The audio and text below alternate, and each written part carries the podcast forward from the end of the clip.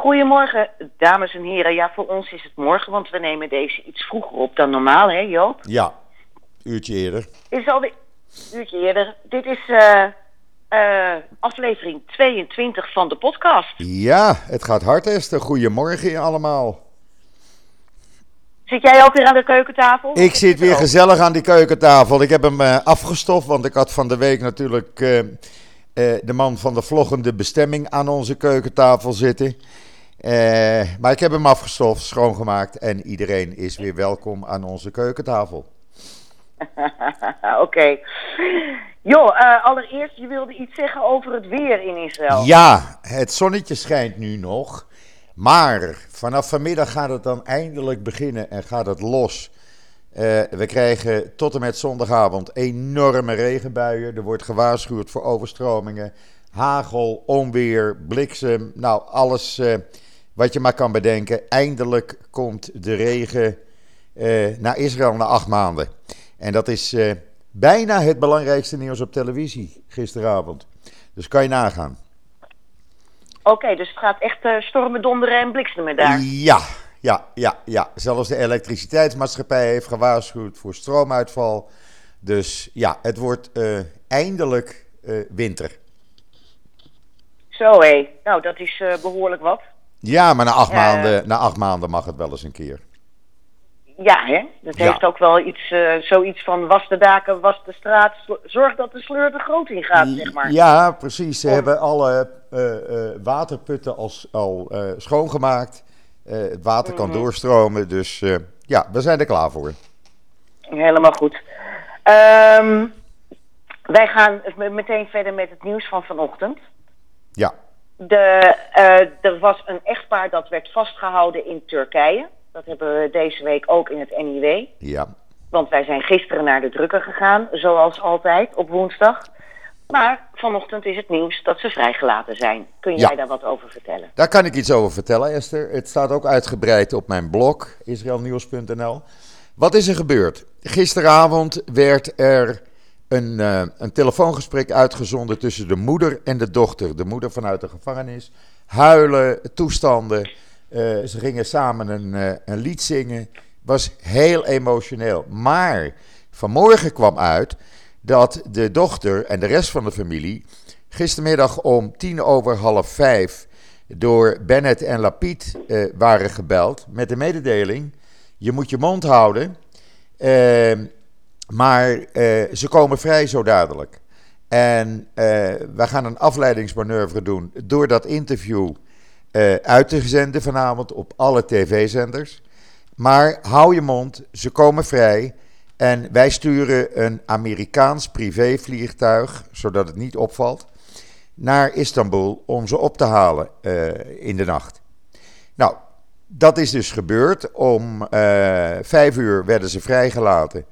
En iets voor half zeven landden ze op Israël, wat live werd uitgezonden hier op alle zenders. Eh, heel emotioneel. Eh, het blijkt dat Bennett, eh, premier Bennett, minister van Buitenlandse Zaken Lapid en vooral president Herzog dag en nacht bezig zijn geweest met het bewerken van Erdogan en zijn ministers, waardoor het gelukt is dat ze, dat ze vrij zijn gekomen.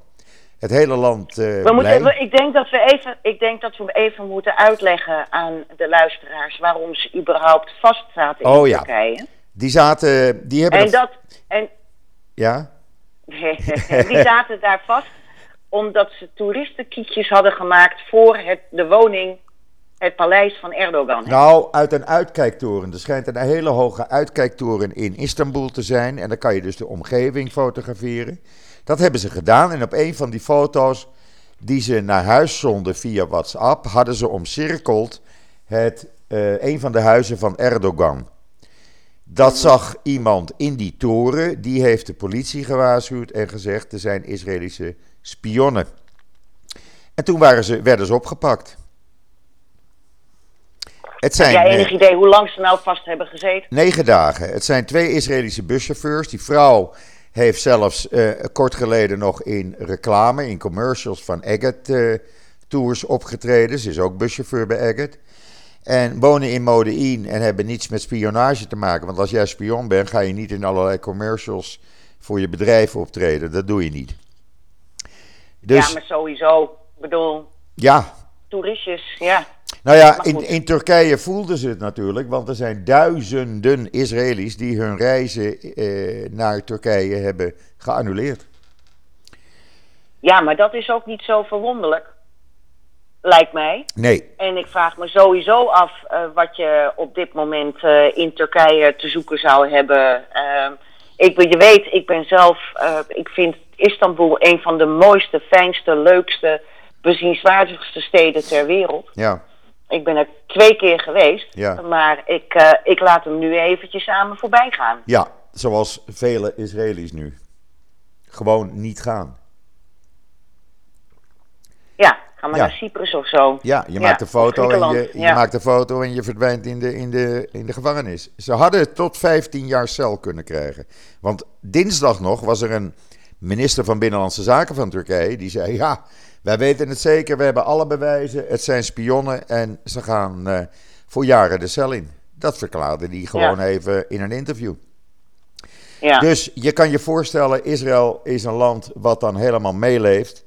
En ja, uh, iedereen was blij. Iedereen was blij. Hartstikke goed. Fantastisch. Fantastisch. Gevolg is wel dat voor het eerst in negen jaar een Israëlische premier met president Erdogan gaat praten vandaag. En waarover dan? Om hem te bedanken, persoonlijk te bedanken. Oké. Okay. Nou. gaat dat doen. We, we wachten het allemaal uh, maar verder af. Ja. Uh, ik denk niet dat er veel uh, licht zal komen in, in, in de betrekkingen tussen Turkije en Israël, die al jaren natuurlijk hondsberoerd zijn, sinds de Mavi Marmara. Absoluut. Maar in ieder geval voor deze, dit echtpaar is het fijn dat ze vrijgekomen zijn. Ja, en een overwinning voor de regering Bennett natuurlijk. Ja, uiteraard. Dan wilde je het ook hebben, Joop, vertelde je even in het voorgesprek. Ja. Over de stijging van de R-waarde ja. in Israël. Ja. Wat is dat? Nou, de R-waarde is het getal waaruit blijkt hoeveel uh, een viruspatiënt, hoeveel anderen hij of zij kan besmetten. We schommelen elke dag zo'n beetje rond de 500 nieuwe besmettingen. Er liggen nog zo'n 53, nee, er zijn 5300 viruspatiënten en er liggen 135 mensen ernstig in het ziekenhuis. Dat stelt dus allemaal niets voor eigenlijk. Maar gisteren werd bekendgemaakt, gisteravond, dat de R-waarde is uh, gestegen naar 0,95. Nou maakt men zich daar niet zoveel zorgen over. Men zegt wel, dat is een van de redenen dat alle beperkingen zoals mondkapjes uh, uh, door blijven gaan. Die stoppen we niet. Maar het blijkt nu ook uit onderzoek dat de meeste mensen die nu uh, besmet raken, daarvan is het overgrote deel gevaccineerd. En sprake is nu van lichte, hele lichte gevallen tot mild. Mensen zijn vaak na een paar dagen weer helemaal genezen en kunnen gewoon hun gang weer gaan. Dus die vaccinaties, en vooral die boostervaccinatie, waar nu 4,1 miljoen mensen mee zijn gevaccineerd. Dat werkt. Mhm. Dat, dat is mhm. het uh, gevolg nu wat we kunnen zien. Doordat mensen maar lichte klachten hebben en niet in het ziekenhuis verdwijnen. En daar gaat het om. Mhm. Maar ja, het toont ook aan dat vaccineren niet zegt: het virus is weg. Nee, maar dat, ik denk dat we daar al lang al uh, van uit moeten gaan. Ja. Uh, in ieder geval, je weet hoe nu de situatie in Nederland is. De besmettingen stijgen gewoon de pan uit. Verschrikkelijk. Maar ik ben net even naar buiten geweest om boodschappen te doen. Ja. En niemand houdt gewoon die anderhalve meter afstand. Ik doe keurig netjes uh, mijn mondkapje op als ik uh, de winkel binnenkom. Ja. En daar moeten wij allemaal, geloof ik, weer helemaal aan wennen. En ja, je ziet dus in Israël dat bijvoorbeeld die boostershot, daar beginnen ze dus pas vandaag in Nederland mee, dat die wel werkt. Het werkt wel. Dus ik hoop ook. Ja. Het werkt wel. Maar er is een ander uh, belangrijk punt. In december, waarschijnlijk in december, wordt er begonnen met het vaccineren met het Brilife-vaccin uit Israël. En de resultaten tot nu toe zijn zo overweldigend goed dat men zelfs spreekt uh, in interviews van het zou wel eens uh, het vaccin kunnen zijn waardoor wereldwijd de pandemie tot stand kan worden gebracht. Dat Brilife, wat, wat, is dan de werking, wat is dan de werking van het, het zijn, virus? ja, sorry, ik ben een beetje, ik ben een beetje, moet ik je heel eerlijk zeggen, ja. een beetje of sceptisch ja. over al die goede berichten omdat we daar wel meer van gehad hebben natuurlijk. Maar naarmate de tijd verstrijkt, zien we dan toch dat het minder goed werkt dan dat we van tevoren hadden gehoopt. Ja, nou laat ik dus, uitleggen. Men is in ruim een jaar geleden begonnen met dit uh, vaccin te ontwikkelen. Anderhalf jaar geleden. Uh, en men doet nu uh, testen op viruspatiënten. In Israël, mm -hmm. in mhm. Oekraïne. en de resultaten zijn verbluffend, zegt men. Het werkt op eiwit. Dus dat is echt een genees, geneesmiddel? Ja, het werkt op eiwitten, eiwitproteïne. En uh, het is dus geen mRNA-vaccin.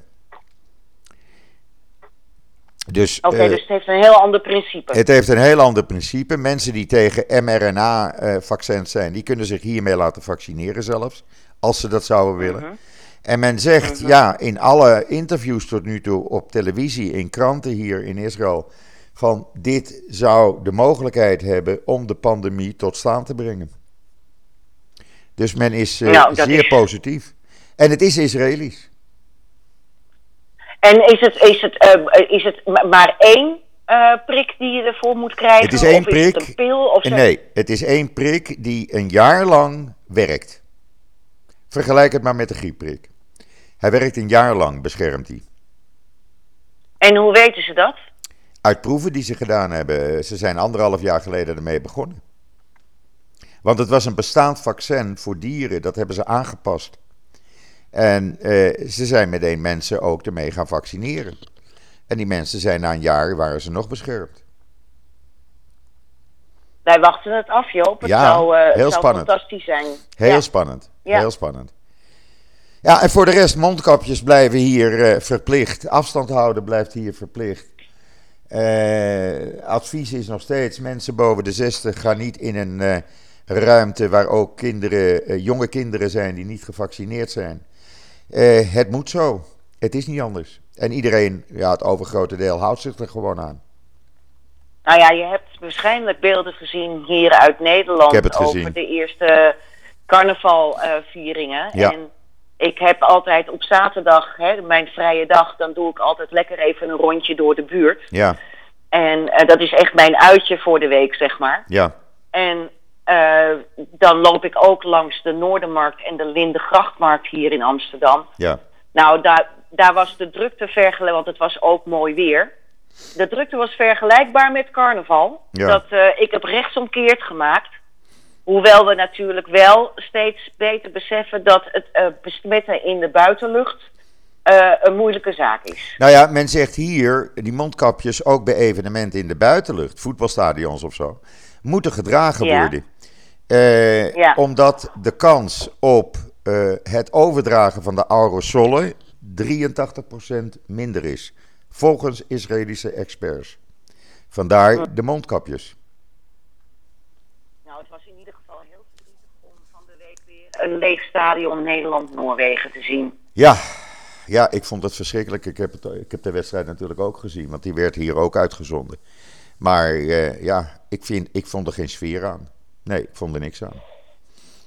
We zullen, we zullen moeten kijken hoe dit zich verder ontwikkelt. Ik Ja. geloof ook dat er al alternatieven worden gevonden voor eh, de competitie. Ehm, dat ze misschien na, na deze drie weken, waar, hoewel, niemand verwacht dat na deze drie weken de eh, maatregelen minder zullen worden. Kan niet. Wij zijn drie Eh. maanden in die vierde golf geweest. Drie maanden. Mhm. Het begon eind juli. En we zijn er nu uit. Ja, Dus tel maar na. ja. Maar hier telt natuurlijk ook mee dat de winter aankomt. En dan is het altijd nog een beetje kouder dan Ja. bij jullie. We Ja. zullen het gewoon moeten We gaan het afwachten. zien. We We, gaan zullen het het zien. moeten afwachten. Ja, En interessant dat nieuwe vaccin, dat gaan wij natuurlijk in de gaten houden. absoluut. Absoluut. Nou, dan gaan we even verder, Joop, eh, naar de ontwikkelingen hier in Nederland. Ja. Dat is natuurlijk iets waar wij ons allebei erg boos over maken. Verschrikkelijk. Ehm, zoals wij al eerder ook in de podcast hebben gemerkt, hebben verteld, hebben vijf grote Joodse organisaties, waaronder ook het NIW, een eh, brief naar de Tweede Kamer gestuurd. Met de vraag of vergelijkingen met eh, de jaren 30 en 40, dus ook de opmars naar de Holocaust, konden uitblijven. En eh, nou, het lijkt alsof het koren op de molen is van Baudet en de zijn. Want eh, ze zijn nu elke schaamte voorbij. Buiten dat ze dus gisteren die meneer eh, Van Houwelingen Ja. eh, gewoon van de, de Sjoerd Sjoerdsma heeft lopen bedreigen in de Tweede Kamer. Ja. Ehm, eh, eh, iedereen weet, ik ben niet de grootste vriendin van Sjoerdsma. En ik ben niet de grootste fan van hem. Maar dit, dit kan Dit kan natuurlijk niet. Dit gaat alle perken te buiten. ja. En we hadden dan ook nog die Instagram-post van Thierry Baudet. Ja. Die eh, een eh, foto plaatste van een eh, klein kinderpietje. Dat door een hek heen moest kijken. Achteraf bleek gewoon omdat de ouders niet op tijd een kaartje hadden gekocht. Dus het was gewoon vol. En dat vergeleek hij met een foto uit het ghetto van Lodz. Ja. En eh, ja, ze zeggen steeds, eh, wij ver- vergelijken het niet met de holocaust. Nou, ik weet niet of mensen weten hoe de omstandigheden in het ghetto van Lodz waren. Eh, zoek het maar op op Wikipedia. Maar dat was niet best. En ja, wat ik ook zie in alle discussies en alle ehm, toestanden die ik terugkrijg als ik daarover twitter, is dat een heleboel mensen die vergelijking geen enkel probleem vinden. Nee, die ervaring heb ik ook. Even over die foto. Eh, hij is bewust gaan zoeken naar deze foto en is op een pagina terechtgekomen van een fotograaf die in het ghetto van Lodz eh, foto's heeft gemaakt van de omstandigheden. Daar is een internetpagina van en daar heeft hij hem van afgeplukt. Ja, nou dat hij daar bewust op zoek naar gaat om eh, zijn punt zoveel mogelijk te maken, zo kennen we hem natuurlijk. Ehm, ik vond het trouwens wel heel grappig dat, eh, of het, het was opmerkelijk, laat ik het zo zeggen, laat ik me goed uitdrukken. Dat hij dus deze uitgerekend dit debat, wat eh, wij allemaal konden volgen in eh, Nederland hier via eh, internet, eh tweedekamer.nl. Ja, Ehm, dat hij dat overliet aan een collega en het zelf niet deed. En intussen er eh, vrolijk op los twi- twitterde. ja, Wat was de reden van meneer Baudet waarom hij dit, dit eh, varkentje zelf niet wilde wassen? ja, een beetje raar. hè? En eh, dat, dat, dat, daar vragen wel meer mensen naar. Want hij is in de Tweede Kamer redelijk onzichtbaar. Ja, er speelt misschien iets, maar laten we erbij aan toevoegen, Esther, dat er inmiddels door Federatief Joods Nederland aangifte is gedaan voor groepsbelediging. Ja, maar ik denk dat ze er niet ver mee gaan komen. Dat denk ik ook niet. Het Nederlandse Openbaar Ministerie kennende zal hier weinig mee gedaan worden. Maar het is een eerste poging. Ja, maar ik, ik heb zelf wel zoiets van: doe zo'n poging wanneer je zeker weet dat je iets hebt eh, waarop ze veroordeeld kunnen worden. Ja, En, ehm, en, en daarbij komt natuurlijk dat we hier in Nederland ook zitten met mensen uit de Joodse gemeenschap, die eh, ook de vergelijking maken, eh, zoals Maurice de Hond. ja heb ik gelezen. Die op zijn eh, eh, internetpagina deze situatie helemaal vergeleken met de manier waarop zijn ouders werden uitgesloten voor de Tweede Wereldoorlog. Onbegrijpelijk. En het is onbegrijpelijk. Dan krijgen ze een hoos aan kritiek en de volgende dag wordt dat dan be- be- be- ja, ehm, wat, wat genuanceerd. Maar dan is het kwaad natuurlijk al geschied. Ja, We hebben het ook gezien met uh, Rosanne Hertzberger. Ja. Uh, die uh, quote ook letterlijk een quote van notabene Willem Engel en Thierry Baudet. daar ontstond een hele ehm, discussie op Twitter over met Sander Schimmelpenning. en we hebben natuurlijk ook het, de affaire Tamara Benima gehad. Ja. Uh, daar is ook trouwens over te vertellen, hebben we ook gepubliceerd in het NIW, dat ze, uh, Tamara de banden met het Verbond voor uh, Progressief Jodendom heeft verbroken. Aha. Er is een gesprek geweest met Abraham Soete, onder meer Abraham Soetendorp. Nee, met drie leden van de progressieve beweging hier in Nederland. Dat is allereerst Abraham Soetendorp, Joram Rookmaker en ten Brink, Menno ja. ten Brink. Ja. Uh, drie rabbijnen met wie het erg moeilijk is ruzie krijgen. Want ik heb nog nooit gehoord dat iemand ooit maar ruzie heeft kunnen krijgen met Abraham Soetendorp. Maar in ieder geval, die banden zijn door Tamara verbroken. En dat hebben we natuurlijk ook al eerder gezien. Hè. Ze heeft ook afscheid ja. genomen van het NIW en ook van het Fries Dagblad. Ja. Maar ja, je, deze mensen werken zometeen natuurlijk uh, uh, een verdediging, mocht het tot een zaak komen, wat ik dus niet geloof, uh, van Baudet wel in de hand. Want kijk, er zijn Joden die het zelf ook zeggen. Ja, maar ik vind dat we dat er even buiten moeten laten dan als het tot een juridische zaak komt. Joden mogen dat wel zeggen. Iedereen is vrij om te zeggen en te denken wat hij wil. Maar nou, laat ik eens een voorbeeld geven. Nou heeft Baudet dat fotootje van dat jongetje gepubliceerd. Uit het ghetto van Lots. Stel dat hij morgen een foto van mijn oom publiceert. In Auschwitz. Voordat hij vermoord werd. Ik bedoel, dan gaat hij dus echt te ver. En dat zou hij dus niet alleen van mij kunnen doen, maar van familie van iedere uh, uh, Joodse ingezetene van Nederland. En hoe reageer je dan op dat moment? Ja. Ja, dat is natuurlijk. En inderdaad, je, je, je kan iets doen met groepsbelediging. We weten ook dat uh, uh, Geert Wilders jarenlang voor de uh, ja. rechter heeft gestaan vanwege een, een, opmerking. Ja. met minder, minder Marokkanen. Ja. En dat is ook een veroordeling geweest op uh, artikel 137. En nou weet ik al nooit dat cijfertje erachter. Ik geloof dat het C of D is. Ik vind het al knap uh, dat je 137 ehm, noemt. Ja, gunst, dat was ooit mijn vak. Ja, ja. ik heb vaak met het bijltje moeten hakken over ja. de van, uh, van het CD. Um, maar um, uh, ik, weet, ik weet niet of dit al voldoende is, want laten we wel zijn. Ze weten natuurlijk precies tot hoe ver ze kunnen gaan. En dat was gisteren eventjes uh, uh, over de grens natuurlijk, wat daar gebeurde in de Tweede Kamer. Absoluut. want iedereen merkte die bedreigende woorden en iedereen weet hoe ze bedoeld werden. Dus um, ja, dat is. maar ik denk dat het mo erg moeilijk wordt. Ja. Maar de ongevaccineerden de nieuwe Joden noemen, daar, daar gaat het dan om. Voor, dat gaat te voor, ver. Uh, dat gaat te ver. Voor mij gaat dat ik, te ver. Uh, ik ben heel benieuwd. Ja, ik, ik ben ook. heel benieuwd. Ik ben ook vreselijk maar ik benieuwd. Denk, ik denk dat het niet ver komt. Nee, maar elke keer als Baudet iets, iets twittert over Joden en vaccins, nu die vergelijking maakt, voel ik mij aangesproken. En velen met jou. Ja.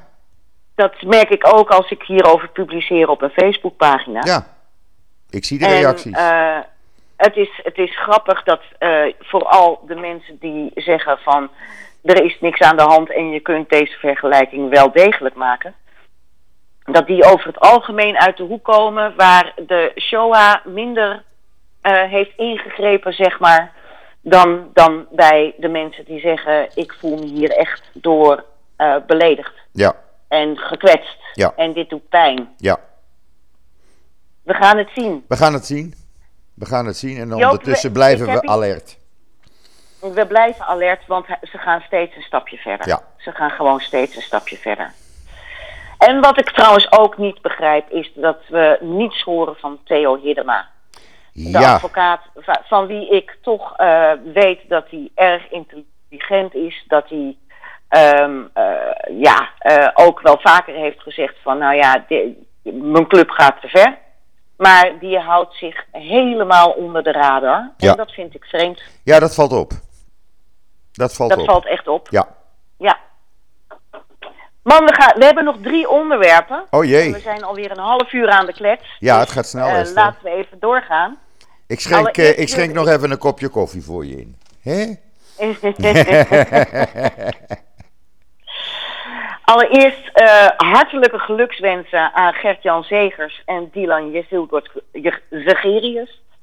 Eh Dylan is inmiddels staatssecretaris van Economische Zaken en Gert-Jan Zegers is de voorman van de ChristenUnie. Ja. Die zijn door eh Loge eh Hillel van Bre Brebriet, een Joodse organisatie, hebben ze, daar hebben ze de Van Hasseltprijs van gekregen. Dat zag ik. die wordt jaarlijks, ja, wordt jaarlijks uitgereikt eh, aan mensen die iets betekenen voor de Joodse gemeenschap. Daar zit een geldprijs aan van 1000 euro. En die hebben, eh, Gert-Jan heeft die 1000 meteen beschikbaar gesteld voor voedselpakketten van, voor Holocaust-overlevenden in Oekraïne. Mooi. Dat is een pro ja, prachtig. Dat is een project van Christenen voor Israël. Ja. Eh, daar, daar is de nood onder Holocaust-overlevenden eh in eh, Oekraïne heel erg hoog. En ik heb zelf ook twee dames daar, zeg maar, ja, geadopteerd vind ik altijd zo'n raar woord, maar die ondersteun ik maandelijks. En ehm, eh, nou, dat is natuurlijk een prachtig gebaar van Gert-Jan. Heel mooi. En, en Dylan heeft haar bedrag beschikbaar gesteld voor onze organisatie bij Leven en Welzijn. En Oh, mooi. dat vind ik ook een prachtig gebaar. Ja, goed, Ja. goed gebaar. Mooi gebaar. Want die hebben het hard nodig. Dylan zelf, ja, en Dylan zelf kon het niet in ontvangst nemen, want die zat volgens mij eh, in Bahrein, waar op dit moment die expositie gaande is, die, die grote wereldexpositie. Ja, waar, nee, in Dubai. Eh, De, Dubai de. Vlieg-expo, waar Israël ook een stand heeft en enorm veel successen heeft met contracten eh, met Arabische landen. Ja, ja. Joop, we moeten even de band stopzetten. Ik krijg mijn buurvrouw hier. Oké, ik, we lassen de pauze nu in. Ik ben, ja, Nou, het blijkt dat de buurvrouw van eh, Esther eh, ook gezellig aan de koffietafel wilde. Maar ja, er is even geen plaats. Er is even geen plaats meer. Hè, Esther? Dus wij gaan vrolijk door, want de koffie is bijna op. Volgende keer mag ze meedoen. ehm, ik weet niet of je daar zin in heeft, Joop, maar het is een schat van de mens. Dus, Oké, eh, helemaal gaat- goed. Helemaal goed. Eh, in ieder geval, wij hadden het dus over die Van Hasselprijs. Ja, Ehm, en eh, nou ja, nogmaals felicitaties. Ik vond het een uitstekende keuze. ja. Ja, een uitstekende keuze van eh Loge Hillel van, Loge, Hillel van Briet. Helemaal goed. Dan hebben we nog een, nog een onderwerp, Joop. Ja. Ehm, wij hebben, zoals jij waarschijnlijk weet, de traditie in het leven geroepen om ieder jaar een eh Sjoege pubquiz in het leven te roepen. Samen met eh, het educatief Joodse centrum Kreskas. Ja, En we hadden er natuurlijk vorig jaar ook één gepland. Maar ja, toen kwam corona. Dus we konden niet gezellig samenkomen. Toen hebben we dat geprobeerd voor dit jaar. Ehm, en dat is natuurlijk nu ook weer misgelopen. ja. Wat we dus nu hebben gedaan, is dat we eh, de pubquiz gewoon eh, helemaal in het NIW hebben geplaatst. Oh, leuk. Dus misschien leuk, dames en heren, voor eh, tijdens het eerste lichtje Ganouka. Of ehm, dat we eh, dat op een andere manier, oh, dat u dat op een ander moment doet. Misschien op vrijdagavond na de Shabbat-tafel. Maar het zijn opnieuw 100 vragen. Het zijn 10 categorieën, 10 keer 10 vragen. En u vindt ook achterin het NIW eh, de antwoorden terug. Dus dan kunt u kijken hoe het staat met uw kennis over Joodse zaken. En dat is echt heel breed. Dat is van uh, actuele zaken tot Israëlzaken, tot sportzaken en um, uh, showbiz. Er zit van alles en nog wat in. Nou, dat betekent dus, kopen dat anyway of een abonnement afsluiten om mee te doen. Hè? Mm, Gewoon doen. Want het abonnement dat loopt nog tot Hanukkah en daarna is het over. Maar u krijgt op dit moment alleen de komende weken een uh, reductie op uw jaarabonnement van 140 euro voor 110 euro. En dan krijgt u 44 keer per jaar het NIW voor. Nou. Als u zich nu snel aanmeldt, dan krijgt u ook nog het grote Hanukkah-nummer. Waar wij vanaf vandaag aan beginnen te werken. Dus, uh, en die wil je niet missen. dat grote Hanukkah-nummer kan ik me nog herinneren van vroeger. Dat wil je niet missen. Is altijd leuk. Ja, is altijd, altijd bijzonder. Altijd bijzonder. Dus.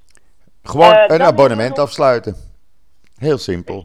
Dat zou, weet u, dan leest u wat wij nu even in een vloek en een zucht bespreken. Leest u ook, uh, en veel meer natuurlijk, leest u dan ook even rustig terug met alle achtergrondinformatie enzovoorts enzovoorts. Maar ook uh, bijvoorbeeld nu deze keer de pubquiz. Er staat ook een prachtig uh, artikel in over uh, Boymans van Beuningen met uh, de Joodse kunst die daar nu ook tentoongesteld wordt uh, in hun nieuwe Spiegelpaleis. Hè? Ik geloof dat ze ja. dat de Kom noemen of zo. Ja.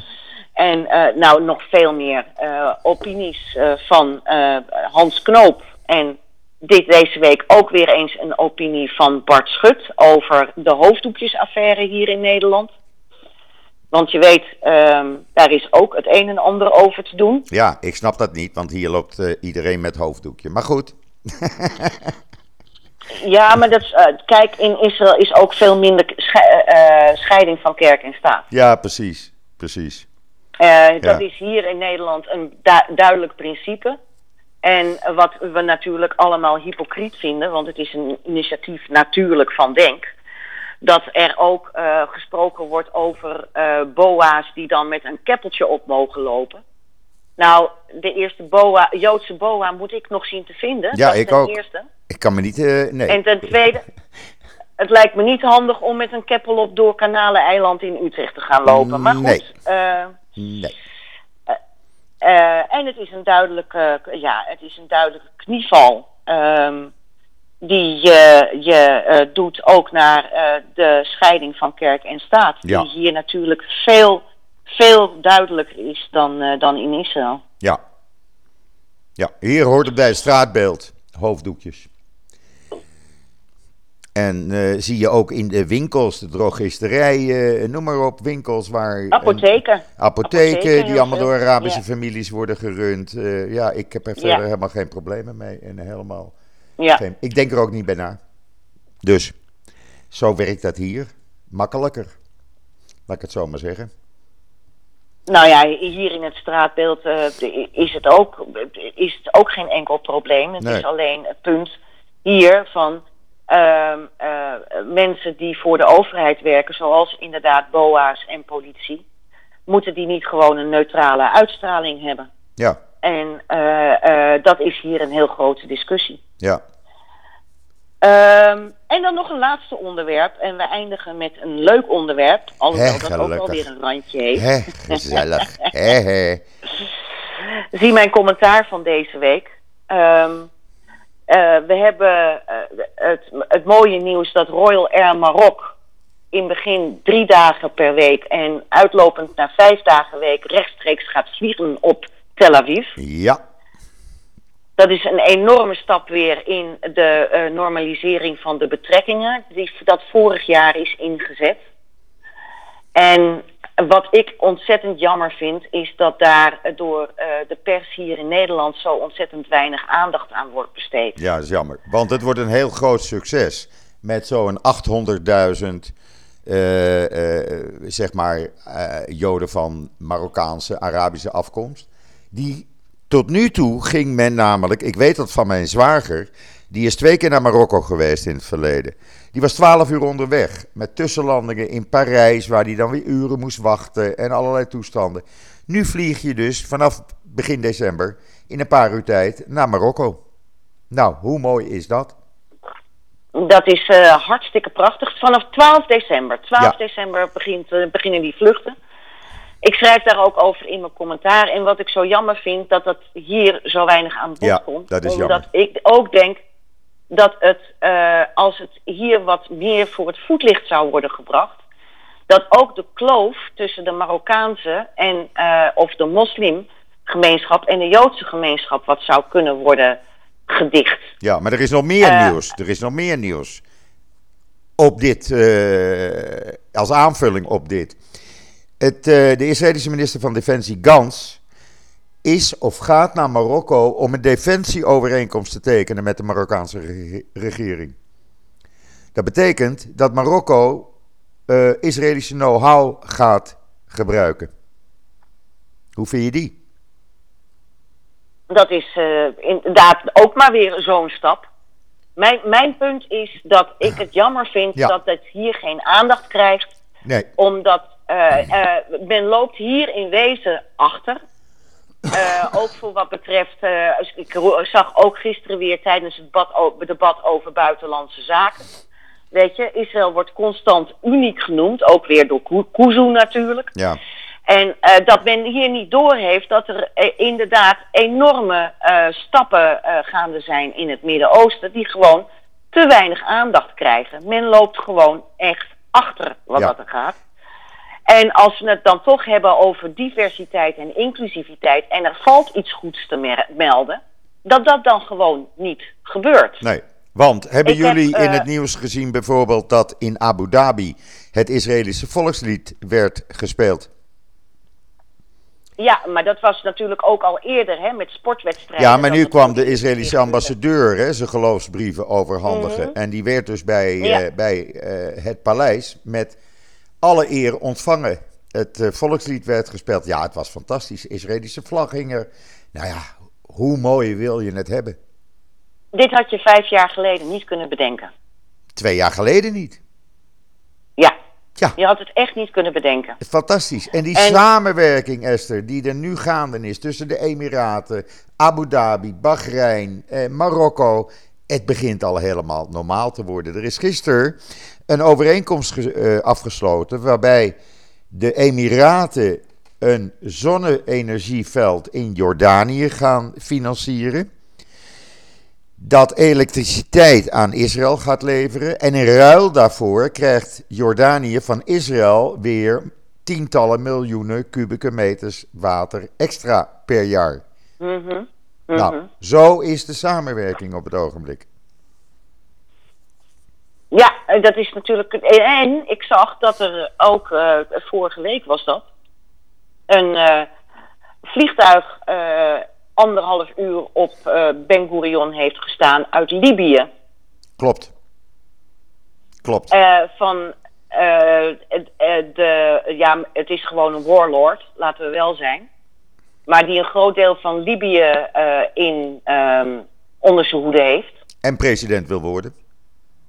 En president wil worden. En die heeft anderhalf uur, we weten niet precies met wie, maar met Israëlische officials gesproken. In het vliegtuig.